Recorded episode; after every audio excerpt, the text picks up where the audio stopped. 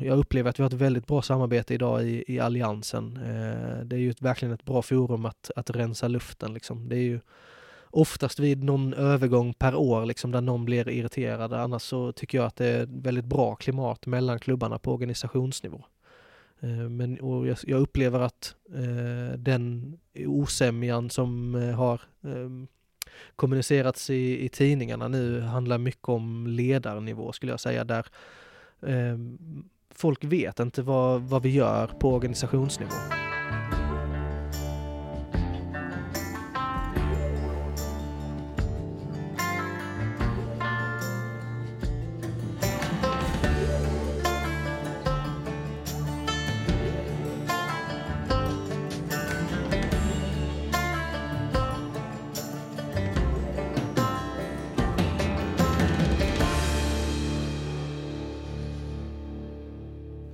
Lyssnar på ett nytt avsnitt av Uppför Bågebacken!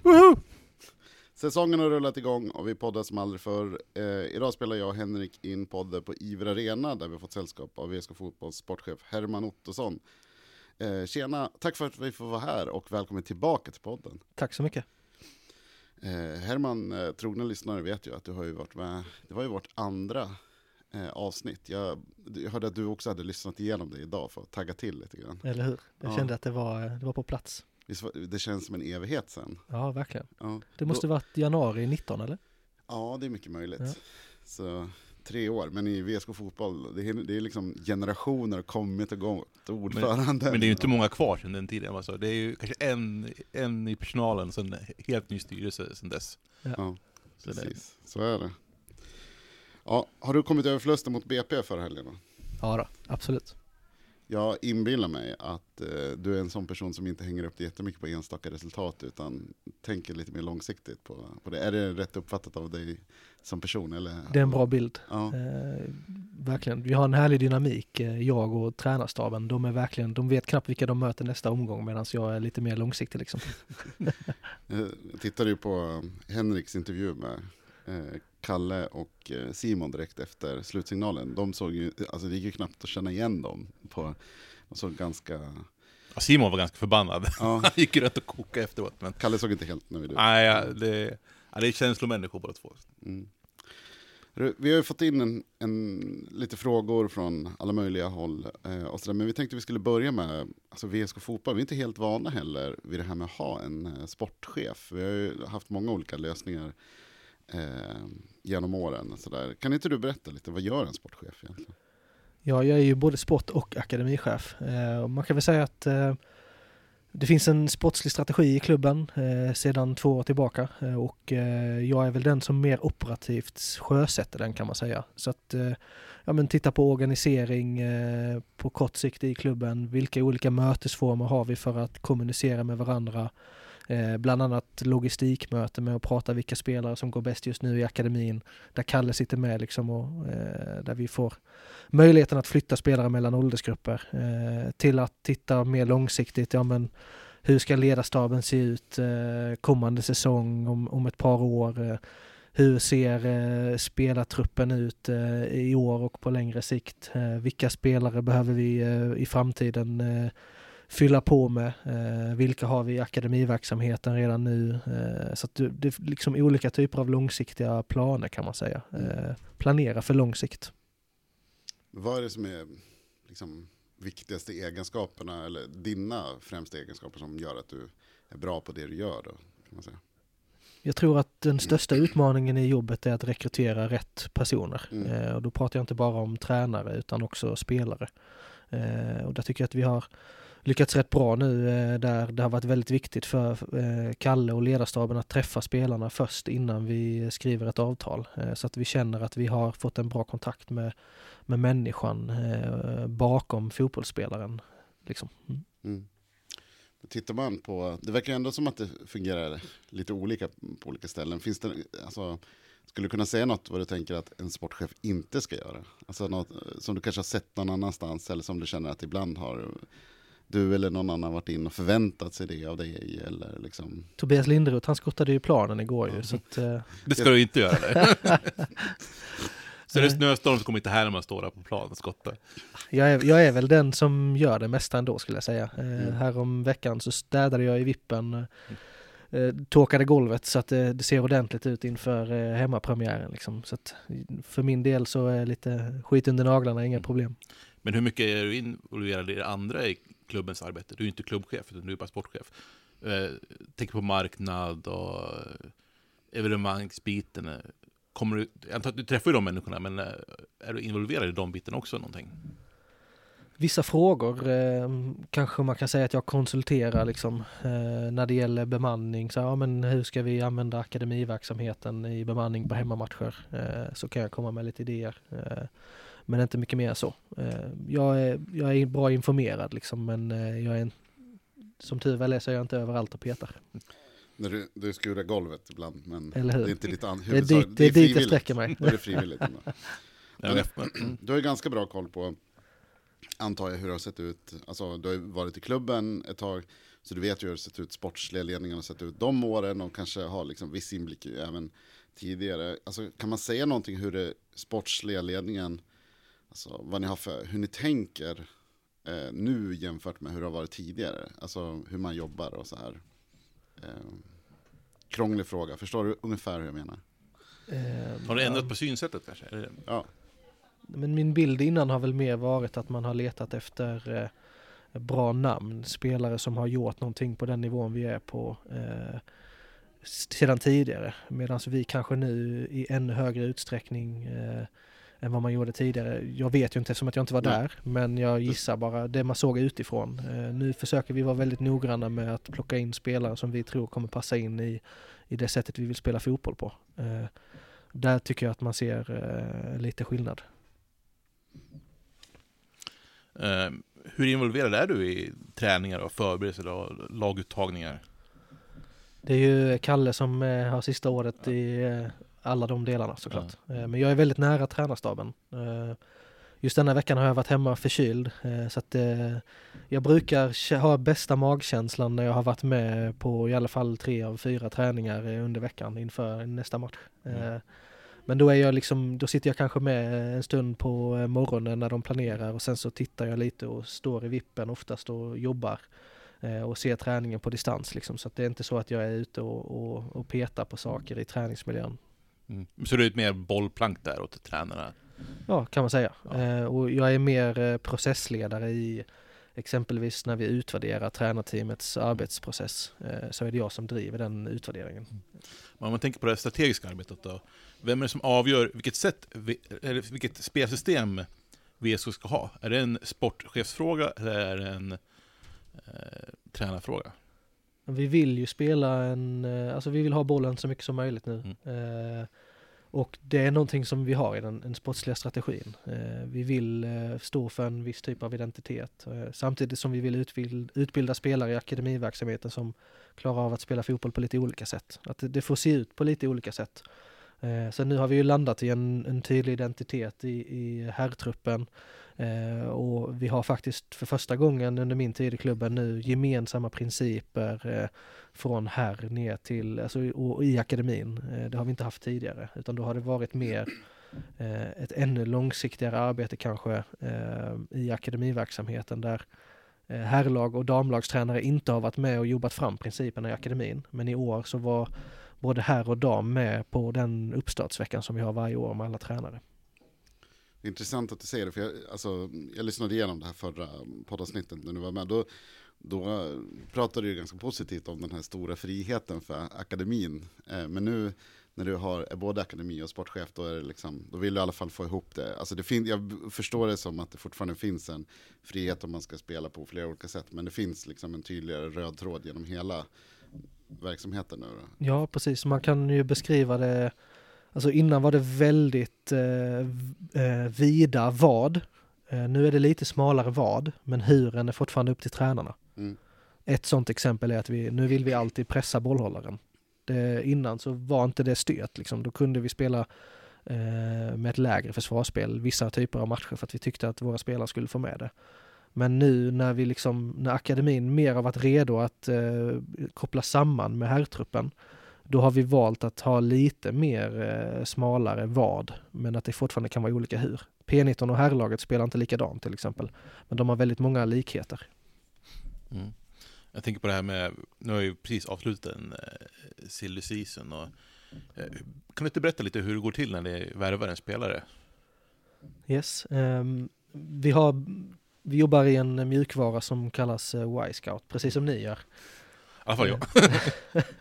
yes. Eh, och där jobbar vi med väldigt breda listor utifrån eh, olika typer av eh, nyckeltal eh, baserat på vilka positioner vi tittar på.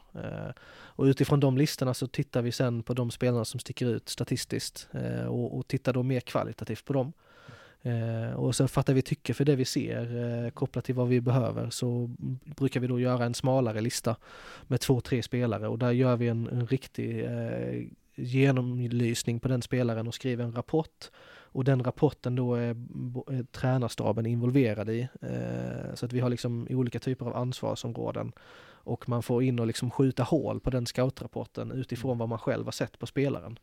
Eh, om vi då alla tycker att nej men den här spelaren är någon som passar in, eh, som vi vill gå vidare med, då, då, tar vi en kontakt liksom med, med agent. Eh, och hela den karusellen börjar ju egentligen utifrån tillgängligheten på spelaren också såklart. Mm. Om det är en spelare som sitter på tre år i Sandviken så eh, vet ju alla att det är svårt att få loss. Ja, så vi var ute efter någon i Sandviken. Eh, det sprids ganska mycket rykten under silly season. Liksom. Hur, är, hur är det som sportchef? Ja, eh, Alex Lindelöf var ju ett sånt. Mm. Eh, utan att eh, Malmö ens har nämnt hans namn överhuvudtaget. Liksom. Mm. Eh, nej, jag vet inte riktigt. Eh, det är ju säkert ag agenter eller eh, ja, andra klubbar som vill driva någon agenda i form av att öka ett värde till exempel. Mm. vem är det som har det sista ordet i en värvning? Är det du eller Kalle eller gäller det att ni båda är överens för att det ska bli av? Ja men rent eh, juridiskt så är det ju styrelsen som okay. har sista ordet. Uh, av de här åtta ärvningar som vi gjorde, finns det någon där som du eller bara Kalle ville ha? Förstår du vad jag menar? Alltså det var det någon som, som ja men det här är min spelare som jag verkligen vill plocka fram, eller det här var en spelare som Kalle verkligen pushade för. Eller? Den inte var överens, där -huh. det bara så okej, okay, du får eh, eh, granat så får jag den här. Nej, det skulle jag inte säga. Det finns ju absolut ingen anledning att jag tar in en spelare som bara jag vill ha. Mm. mm. Då kommer inte Kalle spela den spelaren. Mm.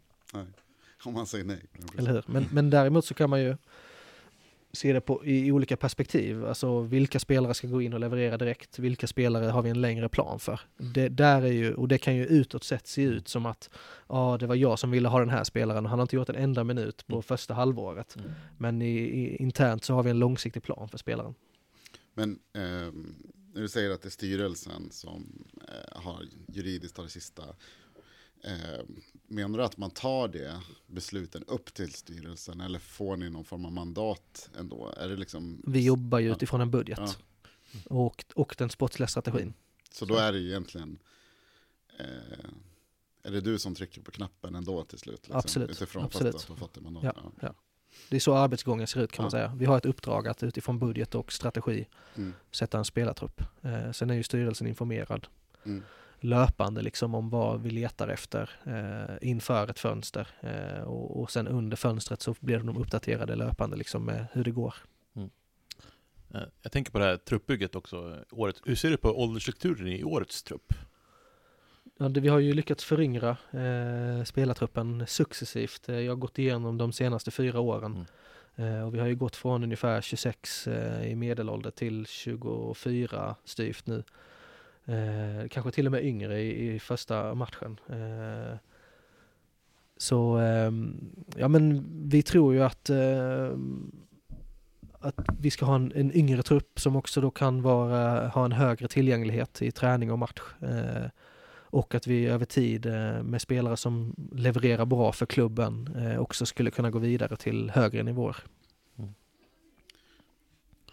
Men hade inte du någon fun mer fundering på det där? Eh, jo, jag tänkte också på det här, det som är, när jag kollar på årets trupp, att vi har ganska många äldre lokala spelare. Vi, alltså, vi har ju Simon, äldre och äldre, men de är lite äldre eh, nu än vad de var för tio år sedan. Till skillnad från alla oss andra. Ja, alla oss andra. Eh, men samtidigt finns det ett gap där. Alltså, vi har ju Filip och Simon som är liksom 26, 27 någonting. Eh, sen har vi ett gap till de här Max Larsson och Lindelöf som kommer underifrån. Liksom. Att, hur ser du på den problematiken? Eh, bör man ha liksom, eh, lokala spelare som är över hela ålderslinjen eller sitter vi någon risk nu hur det ser ut nu idag? Men det, det, är intressant tycker jag. Ehm, jag har det med i en eh, presentation som jag brukar visa, eh, som jag har visat eh, de nya styrelseledamöterna idag. Det finns ju ett gap här i akademins verksamhet om man tittar historiskt. Du har ju 93-kullen, eller först och främst så har du ju 90-kullen med David Engström och Jonas Hellgren som kom från Irsta. Och sen har du ju Danne Svensson, Troné, Johansson, 93-kullen. Och sen är det egentligen 10 års glapp ju till eh, Max Larsson nu som är född 2003. Mm. Det finns ju lite enstaka spelare däremellan. Mm. Eh, Montiel är ju 95 eh, Kevin Kustovic har ju inte varit i akademiverksamheten men mm. han är ju 00 eh, Så där finns ju ett glapp och det är väl egentligen ett sätt att se på hur viktig en akademi är för en klubb. Att faktiskt ha spelare, en spelartillförsel med, med jämna mellanrum. Eh, och att kunna fylla med egenfostrade spelare. Mm. Både akademi säkert och att man inte heller hade liksom en A, ett A-lag som kanske varken lockade de talangerna eller liksom gjorde några fantastiska Precis. resultat. Det är rätt intressant med, om man tittar på förra årets U21-landslag så är det ju Daniel Svensson, Hampus Findell och Dennis Kollander. Tre västeråsare mm. och ingen mm. har varit i VSK. Nej, precis. Men hur viktigt är det då att ha lokala spelare i, en, i VSK? Det är viktigt tycker jag. Eh, men det är samtidigt inte ett självändamål. Men eh, det är klart att vi ska ha en, en stomme med, med västeråsare och spelare som är fostrade i akademiverksamheten. Det behöver ju inte vara en västeråsare. Mm. Tidigare när det var riksgymnasie här så är det ju, det är ju många av de eh, föräldrarna vi har i akademin nu som har flyttat till Västerås för att gå på ett gymnasie. Eh, så att, eh, och där är vi ju fortfarande inte idag. Vi flyttar inte särskilt många ungdomsspelare till vår eh, eh akademi. Eh, så att det finns ju ett stort jobb att göra där fortsatt. Att kunna vara ännu bättre på att identifiera bra akademispelare som sen kan bli herrlagsspelare hos oss. Mm.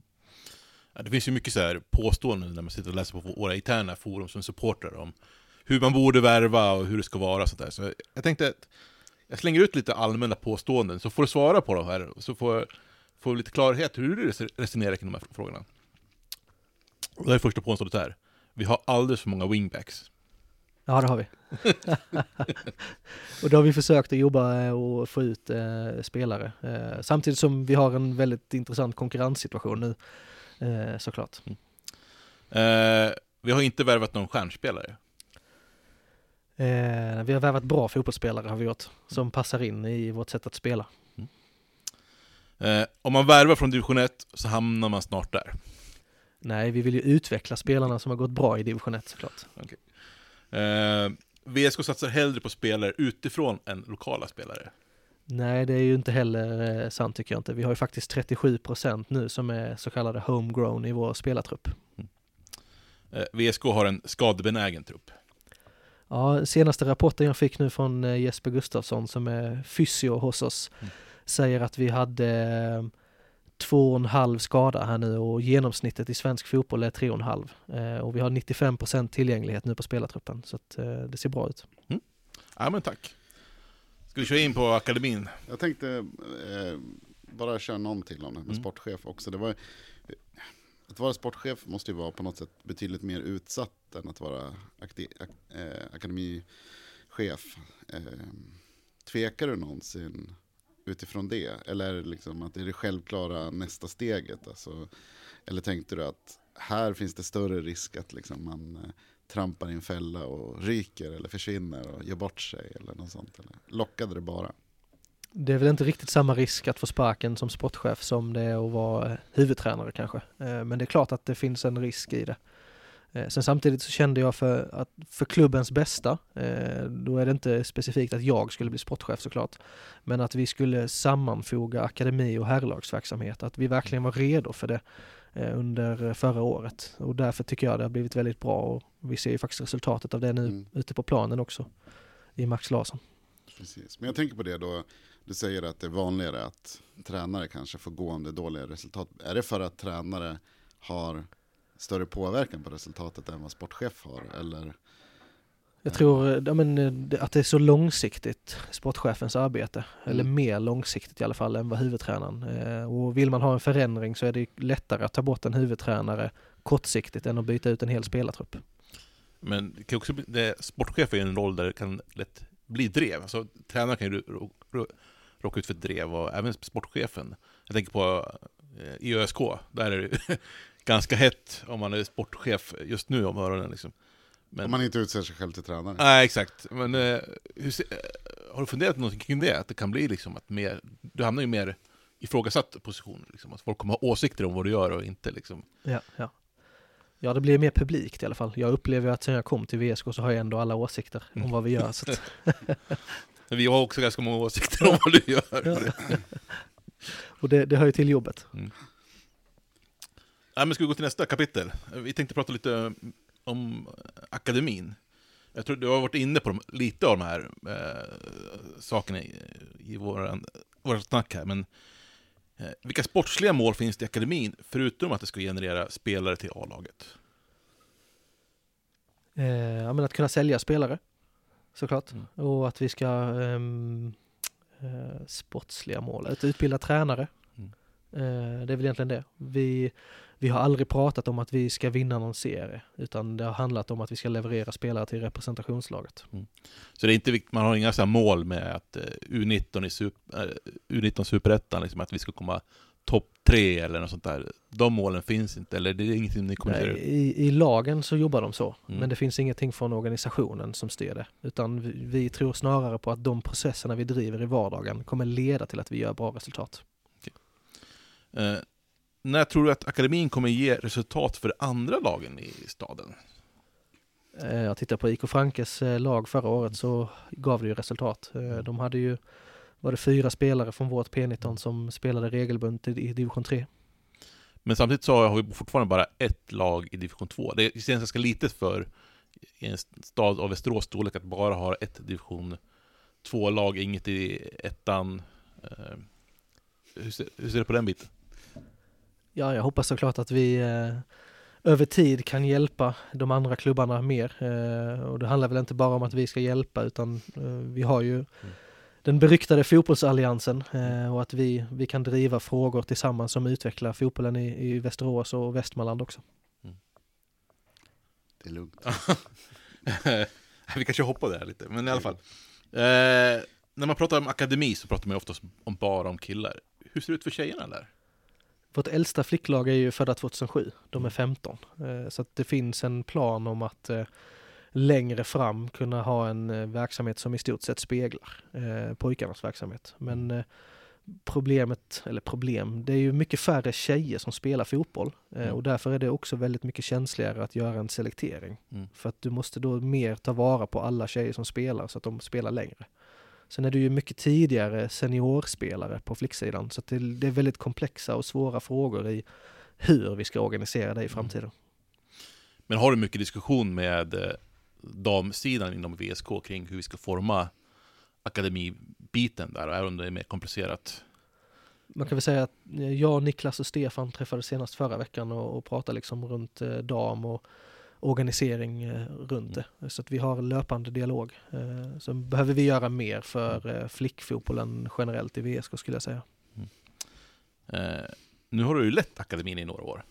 Vad är du mest stolt över?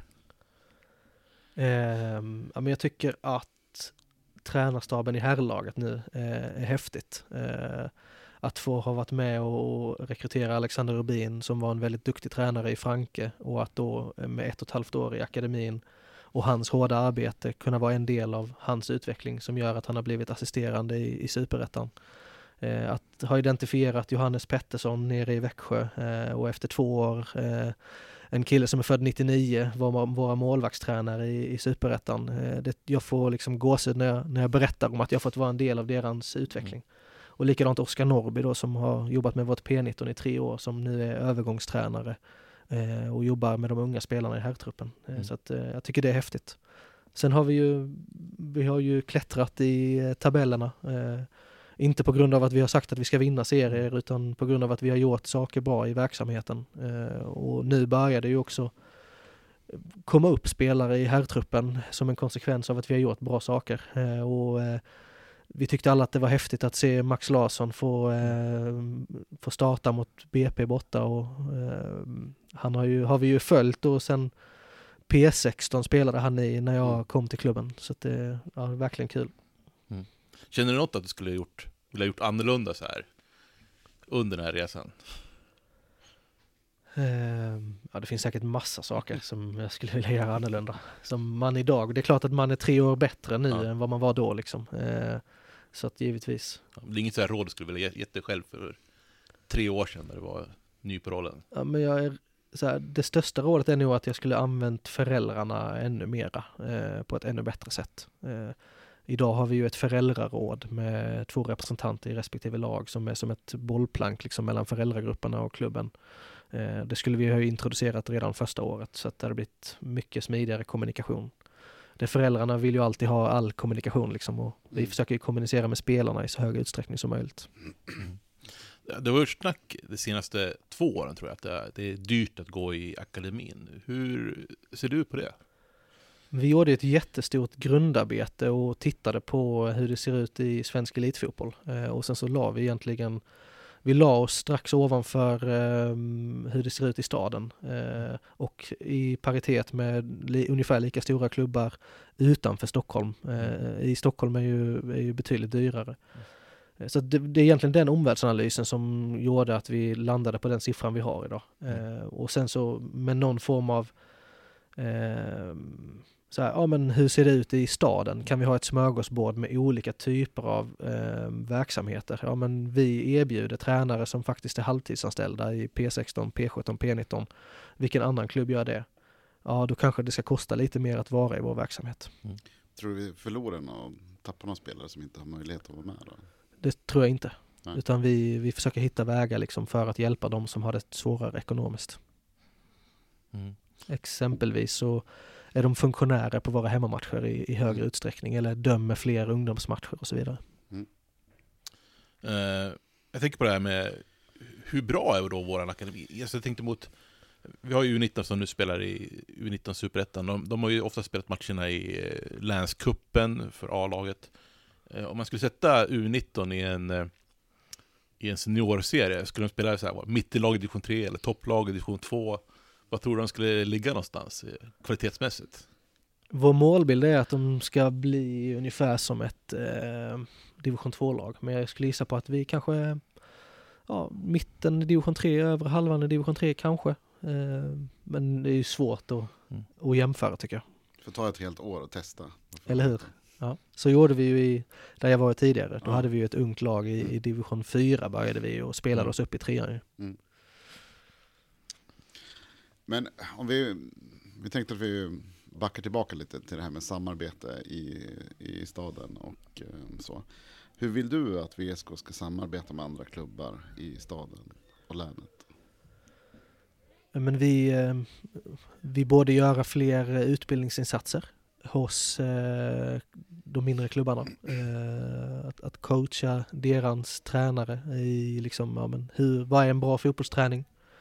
Eh, såklart, eh, vi kan ju använda alla de nivåerna vi har egentligen. Så här, vår styrelse som eh, jobbar med elitfotboll skulle kunna eh, jobba med andra klubbar. Liksom, vad, vad vill ni någonstans? Hur har vi gjort här? Eh, och egentligen på alla nivåer då. Eh, på sportslig och organisationsnivå. Jag upplever att vi har ett väldigt bra samarbete idag i, i Alliansen. Eh, det är ju ett, verkligen ett bra forum att, att rensa luften. Liksom. Det är ju oftast vid någon övergång per år liksom, där någon blir irriterad. Annars så tycker jag att det är väldigt bra klimat mellan klubbarna på organisationsnivå.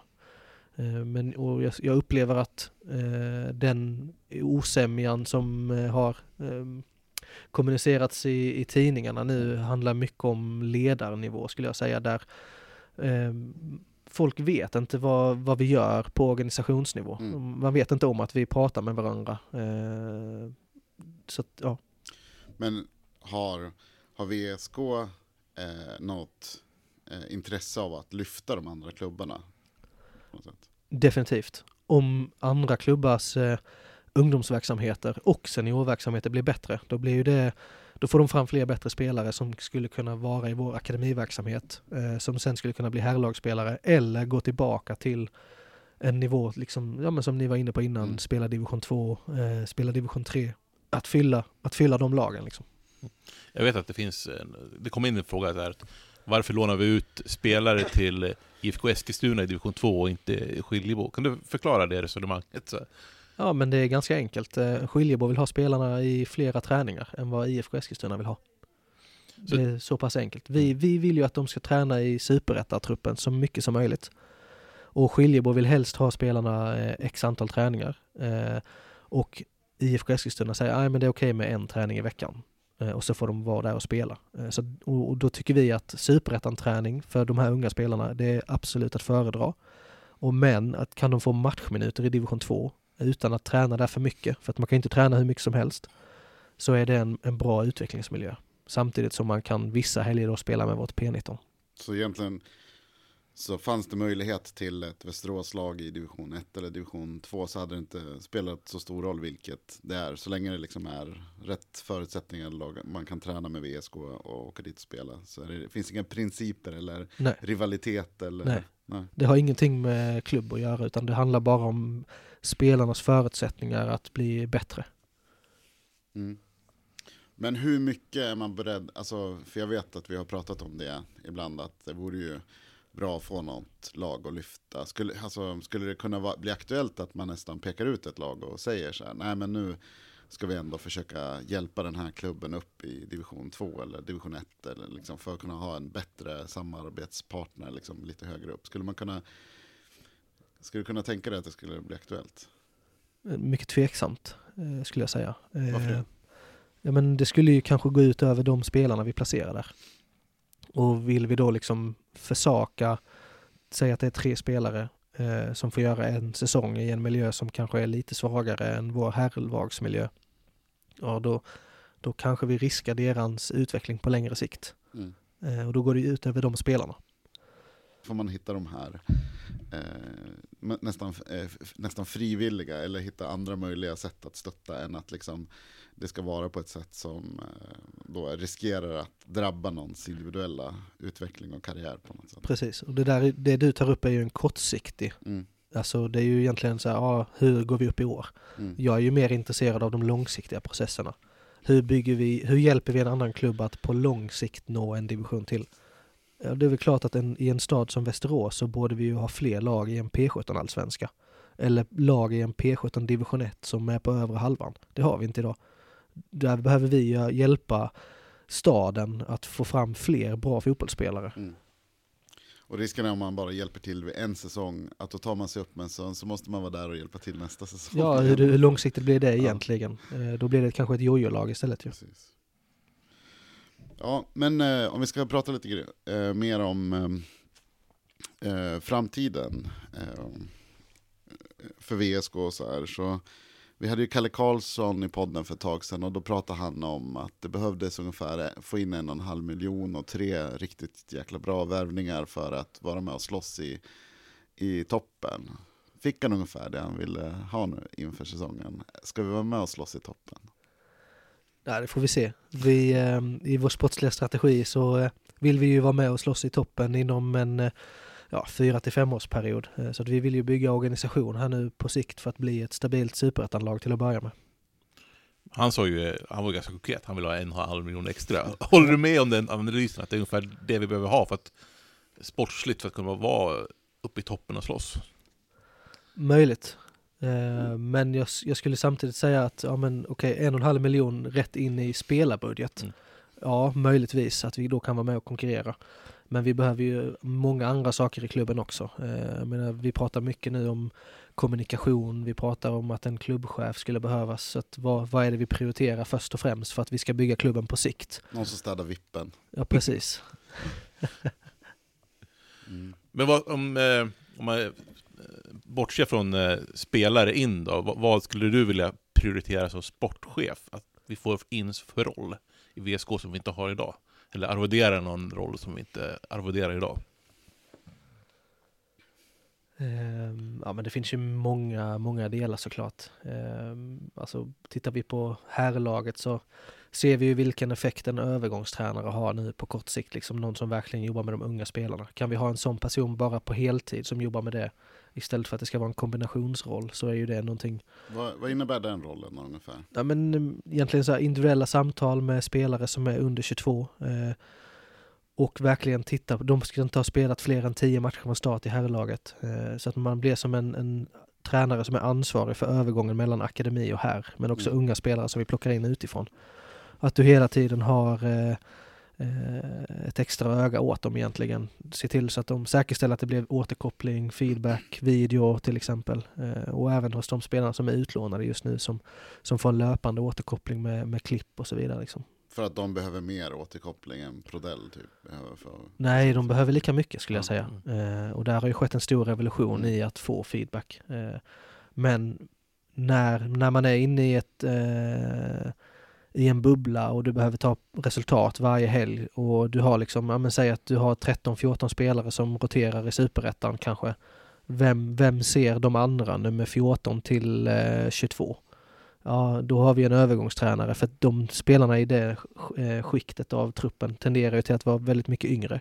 Mm. Eh, ja, då ska vi inte glömma dem utan de ska ju såklart ta sig närmare en startelva. Och då är det det som är övergångstränarens uppdrag egentligen att få dem att gå ifrån att bara vara i truppen till att faktiskt konkurrera på riktigt. Det låter klokt också utifrån, utifrån att historiskt är det ju den där gruppen, eh, de som sitter på bänken och de som inte ens får sitta på bänken, det är de som leder myteriet, fäller tränaren, styrelsen och allting i vanliga fall. Så. Det finns väl olika sådana citat från stortränare. Jag såg något senast i veckan med Guardiola att han, han behöver knappt feedbacka de elva som spelar utan han jobbar bara med de andra liksom. Precis, Ja. det är nog klokt. Men du pratade lite om det här med att spelare på utlån. Kan du berätta lite hur ni har kontakt med dem så att de inte känner sig bortglömda? Ja, ehm, dels så har jag eh, slått ett par samtal till grabbarna. Eh, Det är ju då Patrik Åslund i Motala och eh, William Widehult i Piteå. Sen har ju Oskar veckovis kontakt med, Mm. med både tränare och med spelarna så att de får, vi får deras matcher inspelade och sen så tittar Oskar på matcherna och följer upp utvecklingspunkter hos spelarna.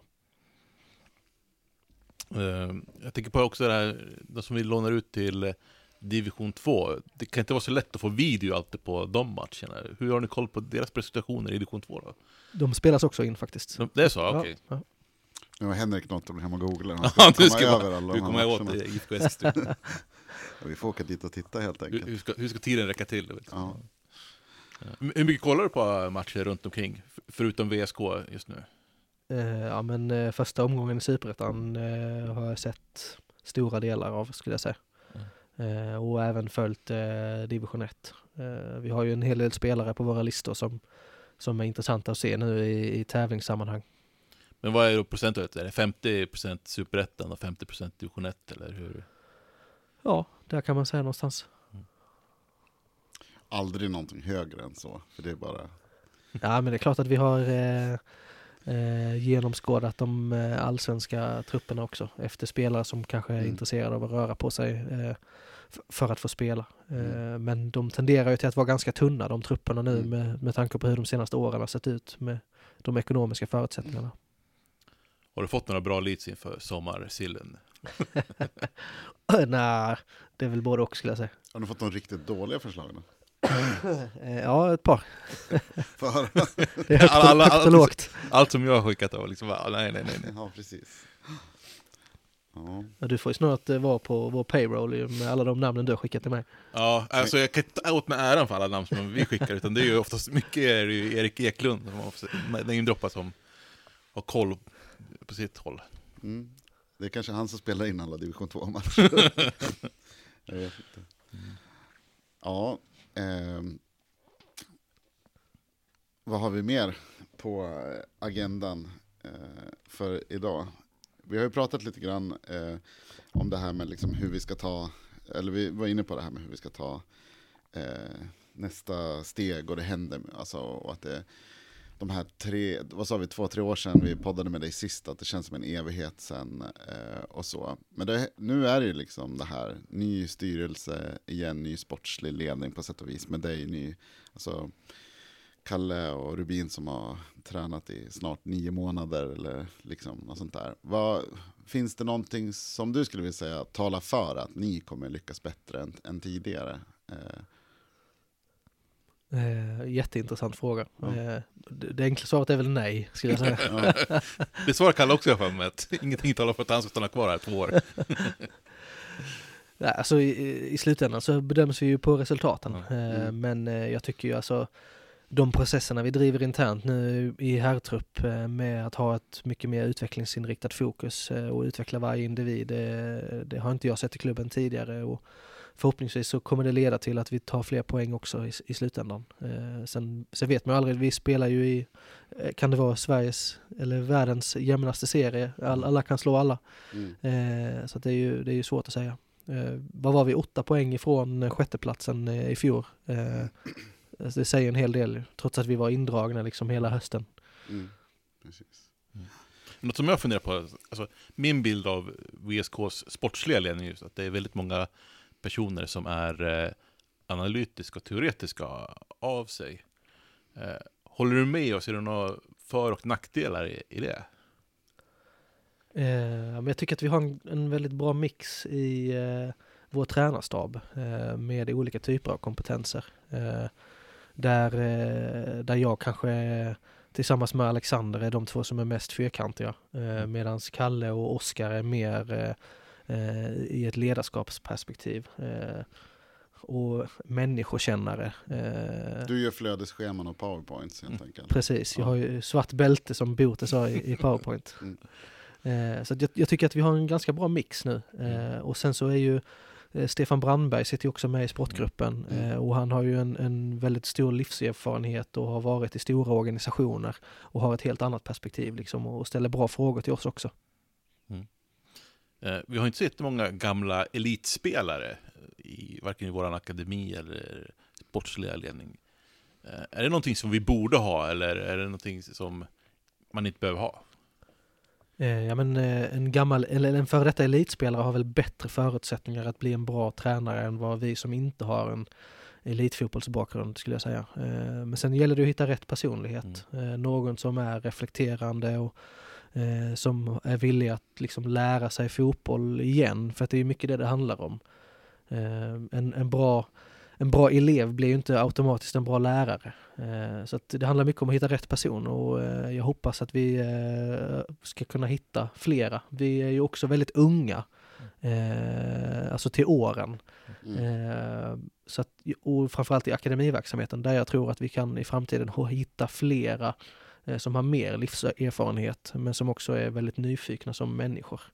Men det måste ju vara, utan att vi, det, är ingen, eh, det här är ingen eh, svår gissningslek, men utan att nämna några namn så finns det ju massa spelare som har lagt av de senaste åren som på något sätt har uttryckt att de vill in och tillbaks i föreningen på något sätt, eller vill vara, alltså som när vi, alltså, folk som ja, men vill egentligen inte lägga av eller, eller sådär. Och då är frå- det som måste vara så svårt på något sätt är ju att vem ska ställa frågan? Hur ska man gå vidare? Så att säga? Är det ni som ska eh, be eh, dem? Ska de säga till att de... Eh, hur, alltså, man har någon som, alltså, nu kallar jag honom inte för in, inskolningstränare, tränare, men det borde nästan eh, finnas någon roll för så här avvecklings, liksom någon som har det ansvaret på något sätt också. Så, så här, hur tar vi tillvara, det kanske inte ens behöver vara sportsligt heller, det kan ju vara så att så här, någon av, som, eh, titt, eh, jag menar, eh, vi backar bandet jättemycket för att det inte ska bli lika personligt, men om man tar Stefan Berlin till exempel, efter hans karriär som fotbollsspelare så har ju han gjort jättemycket liksom, eh, för att jobba med sponsring och, och eh, liksom marknad för BP, eh, och var i Sirius också. Ja. Och den typ, alltså att man fångar upp även spelare när de eh, lägger av. Jag vet att det inte liksom bara helt eh, på ditt ansvar liksom, på något sätt. Men jag tror helt klart att det eh, skulle finnas en...